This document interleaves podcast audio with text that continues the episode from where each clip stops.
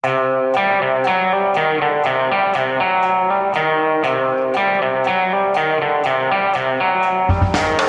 visste jeg at eh, alle dagene som eh, kom og gikk, det var eh, selve uke 48. Hei, Thomas. Hei, Anders. Du, det, det slo meg her. Jeg sitter nå, Vi nærmer oss slutten på året. Jeg sitter og oppsummerer litt.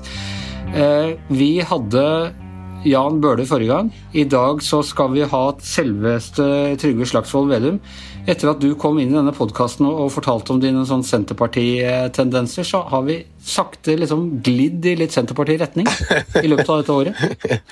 og det krones med disse besøkene nå. Ja, men du, du må huske på det at altså Senterpartiet det er litt som med ulven.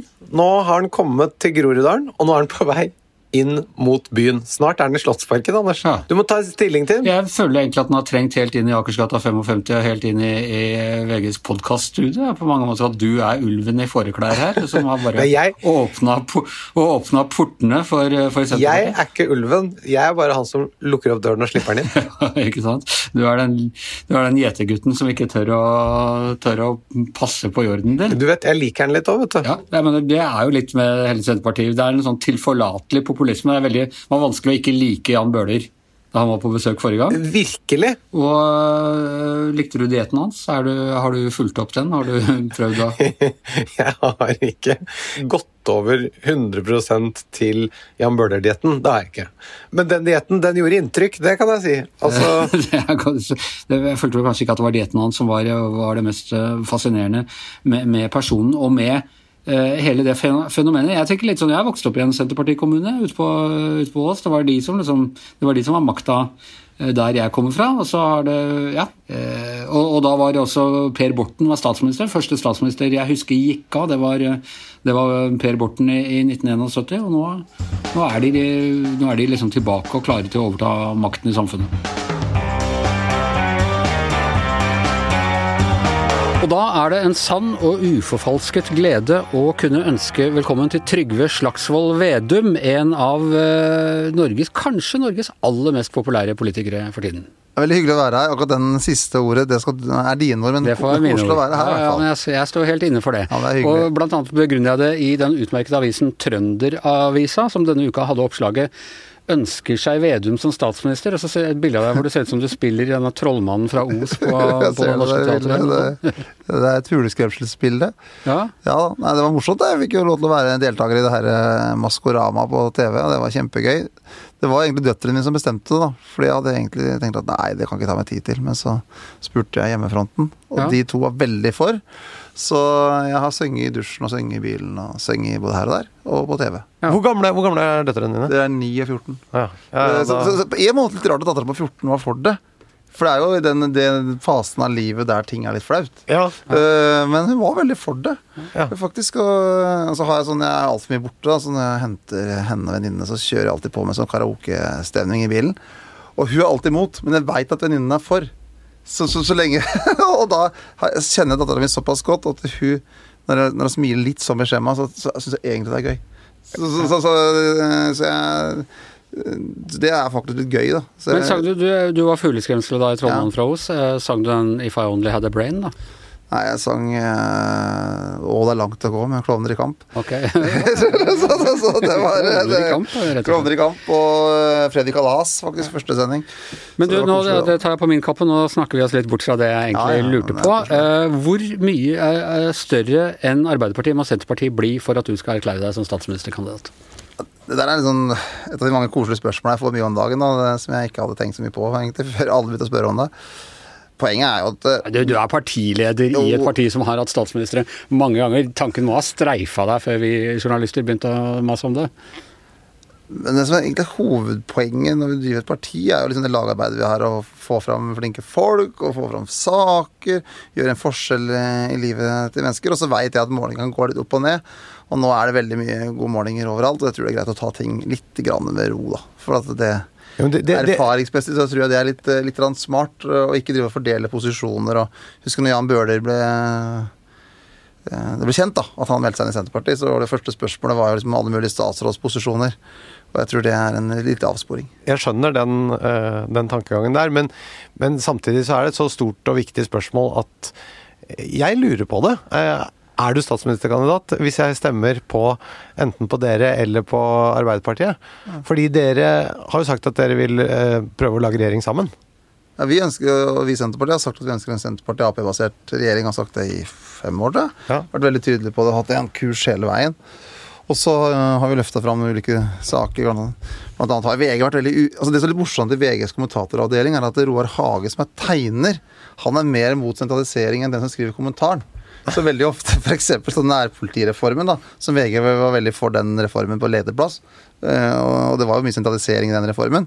Mens Roar Hagen tror jeg var veldig imot den. For han lagde sånn politifolk som dukka opp i bobiler og alt mulig i hele verden. du Roar setter veldig pris på at du har fått med deg det? Ja, ja. ja. det, det, er en av de morsomme tingene med å lese VG, at du ser og VG kommentatoravdeling er eh, tegning og kommentar. Er ikke, det, det er meningsmangfold. Nei, ja, vi er ikke alltid enige blant noen av kommentatorene. Nei, jeg syns det er veldig bra. Altså, heldigvis har dere en god avistegner, da. Så Ja. det er bra. Det har Men har du spurt om en? Men jeg, nei, jeg, jeg lurer på denne tanken om eh, hvem som Altså, jeg lurer på Er du statsministerkandidat? Jeg har tro på at vi som eh, er partiledere skal klare å holde ja, fokus på det som er viktig for folk. da, og det er jo Hvordan vi kan gjøre en forskjell eller forbedring. Eller nå for mange trygge hverdagen deres. For det, er- nå er det mange som er veldig usikre for hverdagen sin. Det er akkurat det, og det er akkurat fordi det som er viktig for oss, det er nettopp hvem av dere skal ha det siste ordet, og hvem skal bli statsministeren. Det er det jeg lurer på. Så det er, det er helt riktig. Ja, det- ja, jeg har svart på spørsmålet. Så- Nei, du har ikke det. Men det er greit, jeg skjønner at du ikke vil det. Vi har jo sånn talefrihet og tenke, tankefrihet i Norge, så da må du svare det en vil. Men Det, det er jeg enig i, men du, jeg bare, og, og bare for å si det sånn Bondevik var jo et, eh, fra et mindre sentrumsparti, og var jo statsminister. Nå føler jeg at altså, med den farten dere har nå, så risikerer jo Gahr Støre å få Bondevik-rollen. Ja, jeg tror ikke vi skal drive også eh, Jonas eh, forsvare for, eller Gahr Støre forsvare for seg sjøl. Og så får Bondevik eh, han får uh, forsvare sine valg da han var statsminister. Men, nå, men, uh, men det året vi har herfra inn mot valget, så håper jeg at vi får tid til å diskutere del politikk òg. Ikke bare oss enkeltpersonene. Nei, nei, nei, men det er absolutt, men det er nettopp det. Hvem skal bestemme? sånn at da, da skjønner jeg hvilket partiprogram skal veie tyngst, og hvem skal ha det siste ordet, og hvem skal er, En leder har jo en, en funksjon. Ja, men så en- Et regjering er til sjuende og sist et kollegium, Altså så det, det må jo fungere som et, eh, som et lag, uten Absolutt. tvil. Men vi får, eh, vi får komme oss videre i programmet. Bare overta programlederrollen, men nei da. En annen ting jeg lurer på er, hva er det som har skjedd mellom dere og SV siden 2013? Altså dere styrte sammen i åtte gode år for landet, for så vidt. Eh, og nå er, du, nå er det bare Arbeiderpartiet. Hva er det SV har gjort for noe galt? Nei, jeg er ikke bigamist. Nei, nei, nei. nei. bare- Jeg er konservativ på det området. Nei, det var I motsetning til, Åslaug Haga, så er du ikke bigamist. Nei, akkurat det. Jeg vet at det kan skape mye trøbbel. Ja.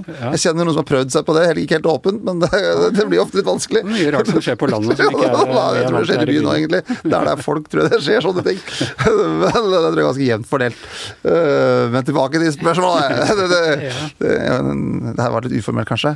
Men øh, jo, øh, jeg mener at når det gjelder Senterpartiet øh, og Ap, så mener jeg at det er der vi har størst mulighet for gjennomslag for sakene våre. Og det er respekt for at jeg ser at når jeg liksom ser på det politiske landskapet, da, når det gjelder næringspolitikk, hvordan man kan utvikle hele Norge, satse på forsvar, ha en god beredskap, sikre nasjonalt eierskap av naturressursene, så mener jeg at det er mellom de to partiene det er størst mulighet til å få til det. For Og det fikk man ikke til under Stoltenberg. Da fikk de mye da òg, men så må jeg, nå er jeg leder, og så må jeg jo da eh, peke hva jeg mener er rett uh, framover. Og da mener jeg en Senterparti-Ap-basert regjering er det, er det beste. Det er mitt eh, utgangspunkt, og det var det også partiet vedtok på landsmøtet i 2017. Ja, ser du, det er viktig hva lederen mener. Og det har betydning! Det bør det jo ha, hvis ikke så Jeg, jeg, jeg skjønner at man ikke skal forenkle, og jeg skjønner at det er fristende på, på din side å holde ting mest mulig åpent. Samtidig så må jeg si bare at som velger så har jeg jo lyst til også å ha så klare og tydelige svar fra dere politikere Jo. som mulig. og jeg, jeg, Det er derfor det er ting jeg lurer på. Jeg lurer på hvem skal bli statsminister, hvem skal du samarbeide med? Jeg håper at den som skal bli leder for dette landet, tenker litt strategisk og langsiktig og har en, en plan. Ja. Og det er det jeg lurer på. Og det som jeg syns er et problem, er at noen ganger, hvis du skal si at du bare skal samarbeide med ett parti, da, og så kommer det partiet på den såkalte vippen, så vil jo sånn, kunne få sånn, eh, sånn som Venstre har gjort, eh, og Frp her nå, da. Så plutselig kommer det løsninger som egentlig ingen vil ha. Så det, det duk- dukka sånn der flypassasjeravgift, sånn tvang gjennom sånn fylkessammenslåing med Viken. Eh, du lagde mange sånn hopp og sprett på mange liksom, for at den skulle vise en form for handlekraft. da. Eh, og den, den måten å styre på mener jeg ikke er klok, i hvert fall. Liksom, sånn- hvis det blir en tomannsgruppe, da, Eh, og så skal de sitte og Si at KrF får to da, på Stortinget, hvis, hvis den kommer under sperregrensa. Og så skal de i KrF sitte og liksom bestemme alt for at den bare har bundet seg fordi at den skal samarbeide med KrF. Og det er jo den metoden Erna Solberg har gjort. Og jeg, hvis du spør f.eks. norsk næringsmiddelindustri hvordan det har slått ut for dem, så har det vært dramatisk da for sukkeravgift og ikke-alkoholholdig drikkevare. Eller spør du norsk luftfartsbransje, har det vært veldig dramatisk for dem. Mista mange arbeidsplasser. Så den der tanken at, liksom, at du skal gi all makt til akkurat de to eller tre representantene som sitter på vippen, sånn som Erna Solberg har valgt å gjøre, jeg tror ikke det skaper mest forutsigbarhet. Eh, Og til sjuende og sist er jo jobben min det er jo at liksom familien Gjertsen eller familien Vedum eller Giæver altså at, at vi flest mulig skal ha trygge og gode, stabile liv. Det er jo det som viktig, at du kan gå på jobb, og skolen funker, og sykehuset er der. Og, og, og derfor så er det, selv om det kanskje er litt kjedelig noen ganger, så er det en fordel at vi klarer å finne litt brede løsninger på en eh, typisk sånn eh, ja, er innvandring, da, som jeg nevnte i stad. At det er ganske stabilt, for det, det gir mest mulig trygghet for folk. Og så er det ting vi er veldig uenige i, f.eks. organisering av politi eller eh, den type ting. Da. Kompromisser er vel en del av politikkens natur, og det ser vi jo fra denne regjeringen. Og det vil jeg jo tro at vi vil se også med en annen mindretallsregjering. Ja, det må vi jo få. Men det som har vært et problem nå, er at eh, f.eks. sånn som Venstre, for eksempel, når de har vært veldig under press, da. De har hatt dårlige målinger, vært veldig under press. Og så skal de finne på et eller annet for å markere seg. Eh, Så bare finner man på ting, da. Sånn som den flysettavgifta som ingen hadde tenkt på før den kom. Eh, Og så plutselig bare fant den på det, og så godtok Erna det, og så ble det sånn, og så la man ned masse arbeidsplasser. Så jeg er veldig redd for den type logikk som Solberg har lagt opp til, at det er eh, noen få representanter som får eh, plutselig veldig stor definisjonsmakt. Men når hun eh, Det er jo en situasjon hun har havnet i. Det er jo ikke fordi hun tenker at det geniale er å la noen få representanter fra Kristelig Folkeparti og Men hun valgte jo også et samarbeidsavtale. Altså, det er den første statsministeren som har valgt altså, Før statsminister Erna Solberg så er det ingen som har hatt en sånn samarbeidsavtale. Så det er første gangen det er gjort.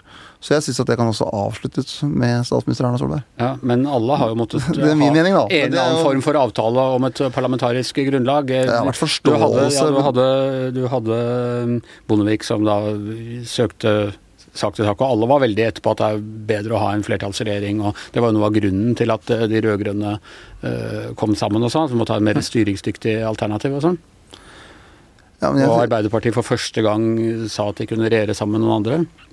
men jeg tror jeg tror du kan finne både styringsdyktige både flertallsregjeringer og mindretallsregjeringer. Bare for å ta siste perioden. Altså, det var jo ikke sånn at når, når Erna Solbergs regjering ble flertallsregjering, eh, så det var den perioden her, da, for et år siden faktisk, så hadde jo en flertallsregjering.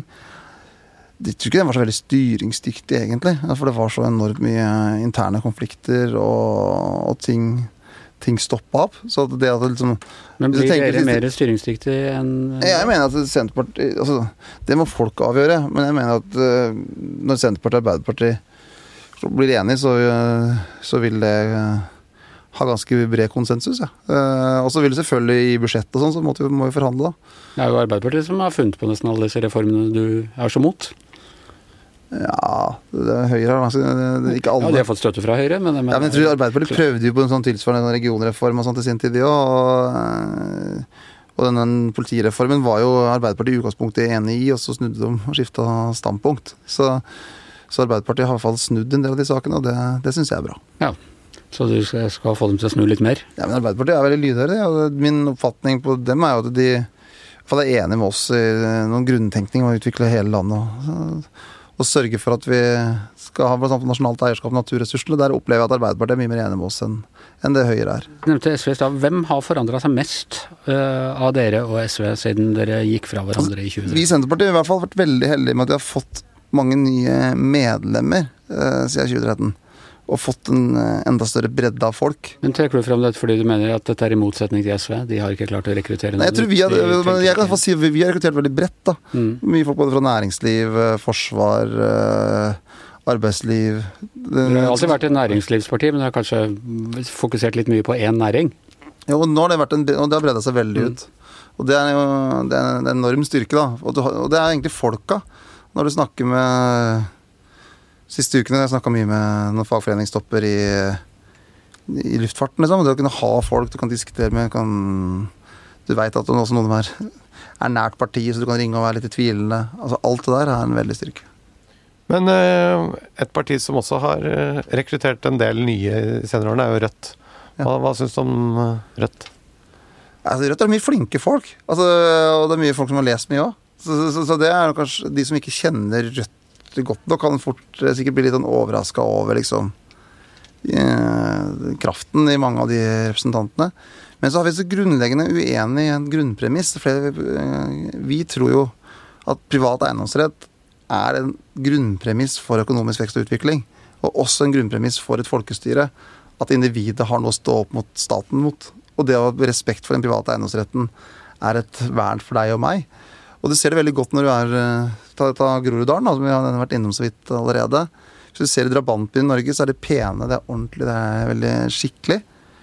Drar du til drabantby i Sverige, som har ganske lik befolkningssammensetning noen av dem, så er det mye mer rotete, det er skrot, det er mye mer forfall. Og det er en vesentlig forskjell. I Norge så eier nesten alle sin egen Obos-leilighet. De har eiendomsrett, de kjenner de, Det er dems private formue òg, som eh, hvis den ikke tar vare på det, så går det utover deg sjøl og familien din og nabolaget. Verdien som på eiendommen. Mm, verdien på eiendommen. Mens da i Sverige så er det nesten bare utleieboliger, sosiale utleieboliger. Og det er mye mer forfall. Så jeg, så, så jeg mener at eh, privat eiendomsrett, da, det, kan du, eh, det er bra liksom, for næringsutvikling eh, hvis du har lyst på å investere og gjøre den type ting, selvfølgelig. Men det er også bra når du ser boligpolitikk, at det er mange som eier sitt eget, at du får mer eierskap. Og der eh, har bare Rødt og Senterpartiet veldig ulikt ideologisk utgangspunkt. Men dere har dere rir litt den samme bølgen for tida, gjør dere ikke det? Sånn eh, mot staten, mot eh, eliten, mot eh, de urbane skurkene. Liksom, det er litt den samme melodien dere synger på. Så, langt har skurk. så langt det ikke gått, da. De med, de med po, po, La meg rette det til de med postnummer bak Slottet. Ja, ja, det, det, har jeg vært. Har jeg vært en gang, ja. Det er riktig. Det er ikke alltid skurker, da. Det er mye hyggelige folk der. Vel, eh, jo, at, at Senterpartiet og Rødt er enige i en del saker, det er det ikke noe tvil om. F.eks. For eksempel når det gjelder Ullevål sykehus, da. For å ta en Oslo-sak, så, har jo Senterpartiet og Rødt vært eh, enige. Og jeg syns at i politikken så skal man ikke bry seg om hva partier heter. altså er jeg enig med Rødt, så er jeg enig med Rødt, og er jeg enig med Frp, så er jeg enig med Frp. Og, og, og så får vi diskutere sak. Og, øh, men så er det noen sånne grunnting, altså synet på, som jeg sa Der hadde jo en kampvotering på Rødt sitt landsmøte før stortingsvalget i 2017. Og der man ikke ville, der Bjørnar Moxnes tapte kampvotering om at det skulle være, fortsatt være kommunistisk parti. Eh, og kommunisme syns jeg er øh, Det er ikke noe. er ikke noe jeg trakter etter, for å si det sånn. Det, det, det, det, så, jeg tror Bjørnar Moxnes heller er langt unna det. Veldig langt unna det. Men øh, det er noe sånn Det er en for sterk statstro, Ja. og den deler jeg ikke. Du, eh, i Klassekampen, en avis som jo da uh, står både deg og Rødt nær, uh, så lanserte du ti uh, teser. eh, Ja. Altså, jeg lanserte dem egentlig ikke, Nei. men det var journalisten som var med meg rundt. Ja. Og så skrev han bare det ned. Og jeg hadde, jeg hadde ikke jeg lest skrev de dem ned, kom ikke disse fra Nei, jeg deg? eller leste ikke de tesene eller før jeg det på trykk, men jeg var vel enig i dem stort sett. da. Å, så du gikk bare og tenkte høyt? Ja, det er litt sant. For jeg, jeg tror han fikk ideen underveis. Altså, det var ikke sånn, måte for, jo, for, jo, for, på jo, jeg, jeg kritiserer ikke han i det hele tatt. Uh, for det, det, det er jo mitt ansvar hva jeg sier, så hvordan han organiserer intervjuet, det, er jo, det, mener jeg journalisten må stå fritt til. Men jeg hadde ikke sånn solgt inn 'dette er mine ti teser, kan du komme hit og gjøre intervjuet'? Du hadde ikke det? Nei. Så, så, men det betyr jo hvis jeg forstår deg riktig, du satt bare og sa 'jeg mener sånn og sånn', og så kom det og snakket noe annet, og så sa du 'jeg mener det', og så fikk du det bare formulert ut som ti bud etterpå? Ja, det er sant. Han, han, han var Gud, og Klassekampens journalist er Moses, ikke sant? som kommer ned til folket med, Ja, jeg, jeg, med har- jeg har ikke gått opp noen fjelltopp. Nei, nei, du behøvde ikke engang gå på fjelltoppen. Nei, nei. Det, Gud holder seg der oppe. Moses Nei, kommer sånn akkurat de ti tesene, men jeg, jeg var enig i dem, tror jeg. Stort sett. Interessant journalistisk Ja, men, men må ikke kritisere journalister for det, altså. Men, men i hvert fall, altså de er, de er eh, kort fortalt, eh, du skal leve som du preker, du skal ikke snike i køen, du skal reise hjem, du skal ikke rote i dritten, du skal ikke snikskryte, Du skal eie ditt ord, du skal si det du tror på, du skal ta bussen, ikke helikopter. Det er lett uh, akkurat den der. Du skal ikke reise alene, og du skal ikke tro du er noe. Det siste er jo jantelovens første bud. Er det, er det mer i janteloven enn de ti bud, dette her? ja, ja, ja men, det tror jeg er en god læresetning. Da, for at sånn eh, Ikke sånn til, dattera mi eller til andre ungdommer. som de mener, Der skal du tro det er noe, selvfølgelig. For du skal bygge opp folk, og det, det, folk i stortingsgruppa sånn, som har kommet til nye, og du skal måtte gi dem trygghet. Men som partileder så tror jeg du kan bli veldig eh, Du ser jo bilder av deg sjøl overalt, og du tror at du er kjempeinteressant. Men du er kanskje ikke så interessant, det er for at du er partileder. Eh, At du må huske at det er rollen. At det er ikke du som måtte er så ge- Ja, Det er mer en sånn memento mori, husk du skal dø, liksom? Ja, nei, nei, men det er sånn Jeg tror i, det er fort nok selvhøytidelighet både i media uh, i underholdningsbransjen. Jeg tror det er mindre i Norge, da. uh, enn hvis du hadde dratt til Danmark eller Sverige, f.eks. Der tror jeg det er litt mer opphøyd. Men ellers er politikken enda verre. enda verre. Så jeg tror den derre norske litt jordnærheten, eh, nøkternheten, at du eh, Som jeg ønsker å formidle der, da. Som kommer ut av de ti, ti tesene. Det syns jeg det er mye, mye bra hvilket av disse budene synder du mest mot sjøl? Skal vi se på uh, Flyhelikopter, kanskje? Ja, det har jeg veldig lyst på, det er dritartig, egentlig. så det er litt bare bitter egentlig på Jonas og Erna som drev fløy Støre og Solheim, der fløy rundt i helikopter mens jeg kjørte en gammel buss. Nei, jeg vet ikke hva det er som du Du skal reise hjem. Det gjør du. Ja, det gjør egentlig ganske mye. Det er ganske flink til å hende jeg ikke gjør det, men jeg er ganske flink til det. For at eh, jeg, familien min bor på Stange, så utafor Hamar. Ja, Ildseng, hvis det er noen som har hørt om det. Det er Nei, sted man ender ja, ja. hvis man kjører for fort eller kjører i fylla. Så det er et fengsel der, for de som ikke vet det. Så jeg bor ganske nært til fengselet.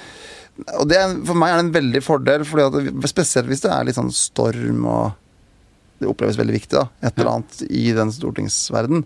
Og når du da er hjemme igjen, så er det egentlig Kanskje noen har fått det med deg når du går på butikken, eller eh, altså, Da blir det liksom Det blir litt jorda, da. Det preger ikke folks hverdag. Nei, eh, egentlig ikke. Det betyr ikke så mye om du liksom da får en treer i VG eller to. Ikke noe å si, liksom.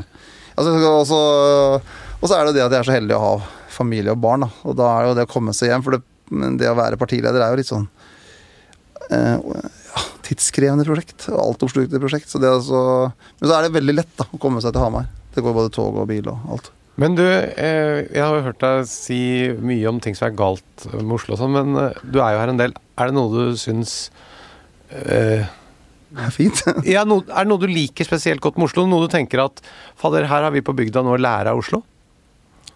Jeg liker Oslo, da. Jeg liker f.eks. aksen mellom Stortinget og Slottet.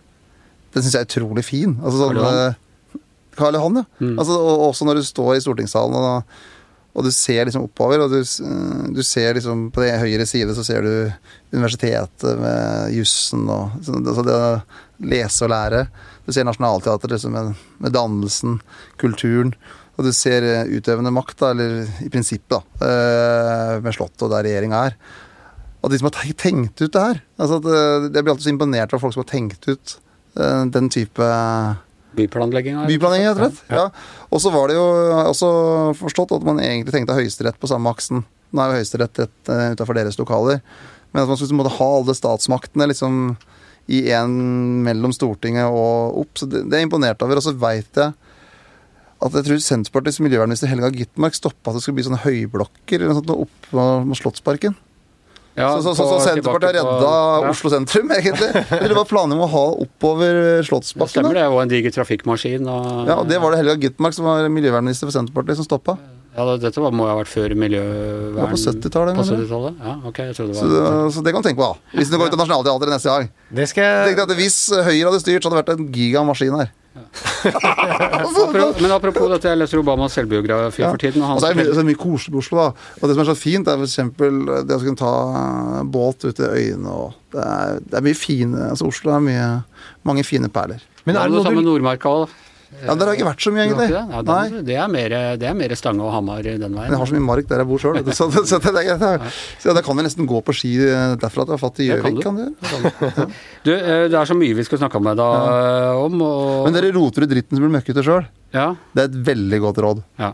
Fordi at eh, jeg jobba i et anleggsfirma, og han sjefen min der Han hadde, han hadde et råd også når jeg ble partileder, og da sa han Det er partiet ditt, det har dritt i HK, eller Haka, Mm. Og Trygve.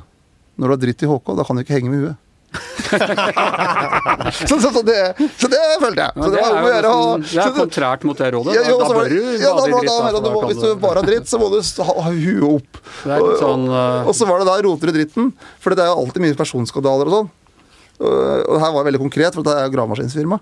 Så, så hvis du roter i dritten, da blir du møkkete sjøl. Så hvis det er personskandaler, hold deg unna. For du har sikkert nok med deg sjøl.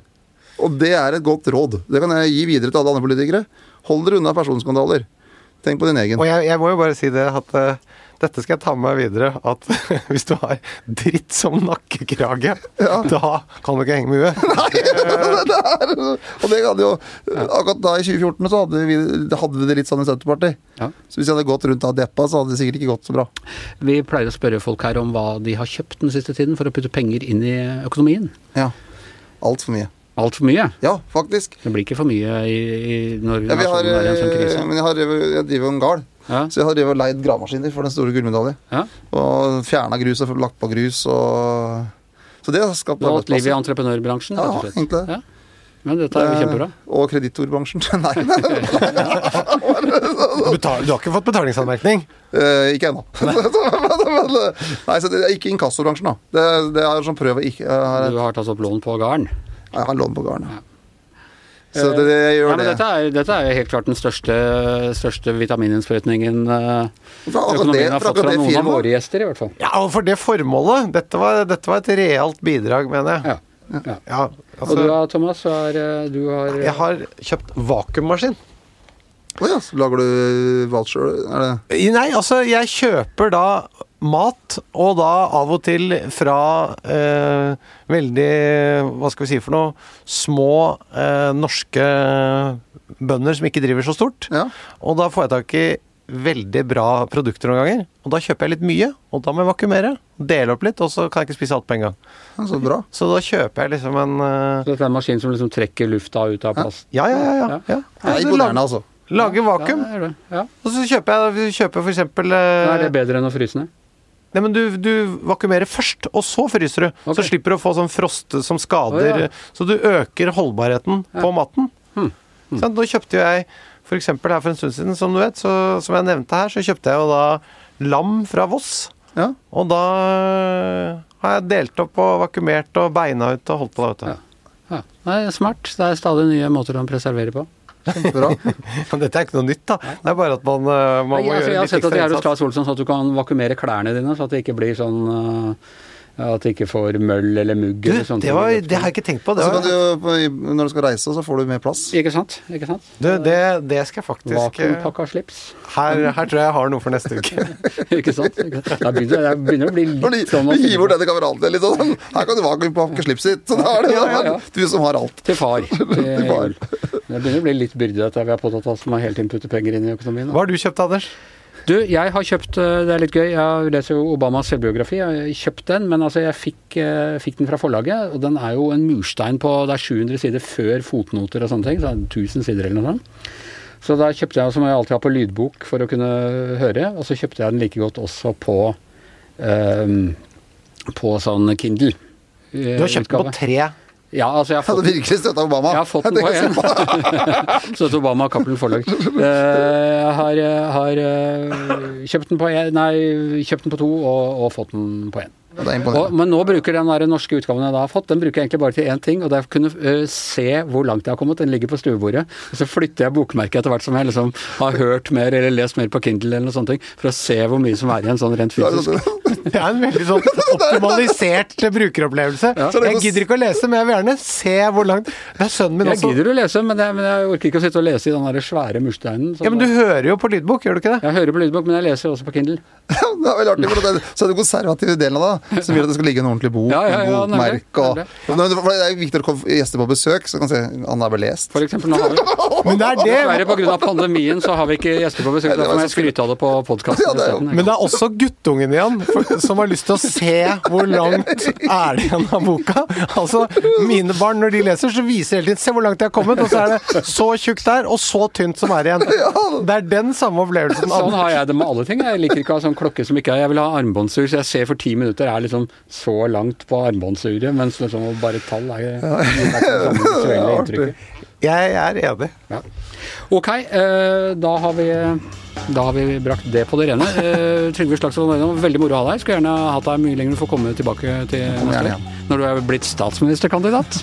eh, takk til deg. Takk til Thomas Giertsen. Jeg heter Anders Skjever, og hvis vi hadde stilt egen liste til stortingsvalget, er det liten tvil om at vår produsent Magne Antonsen hadde vært statsministerkandidat. Vi høres igjen neste uke.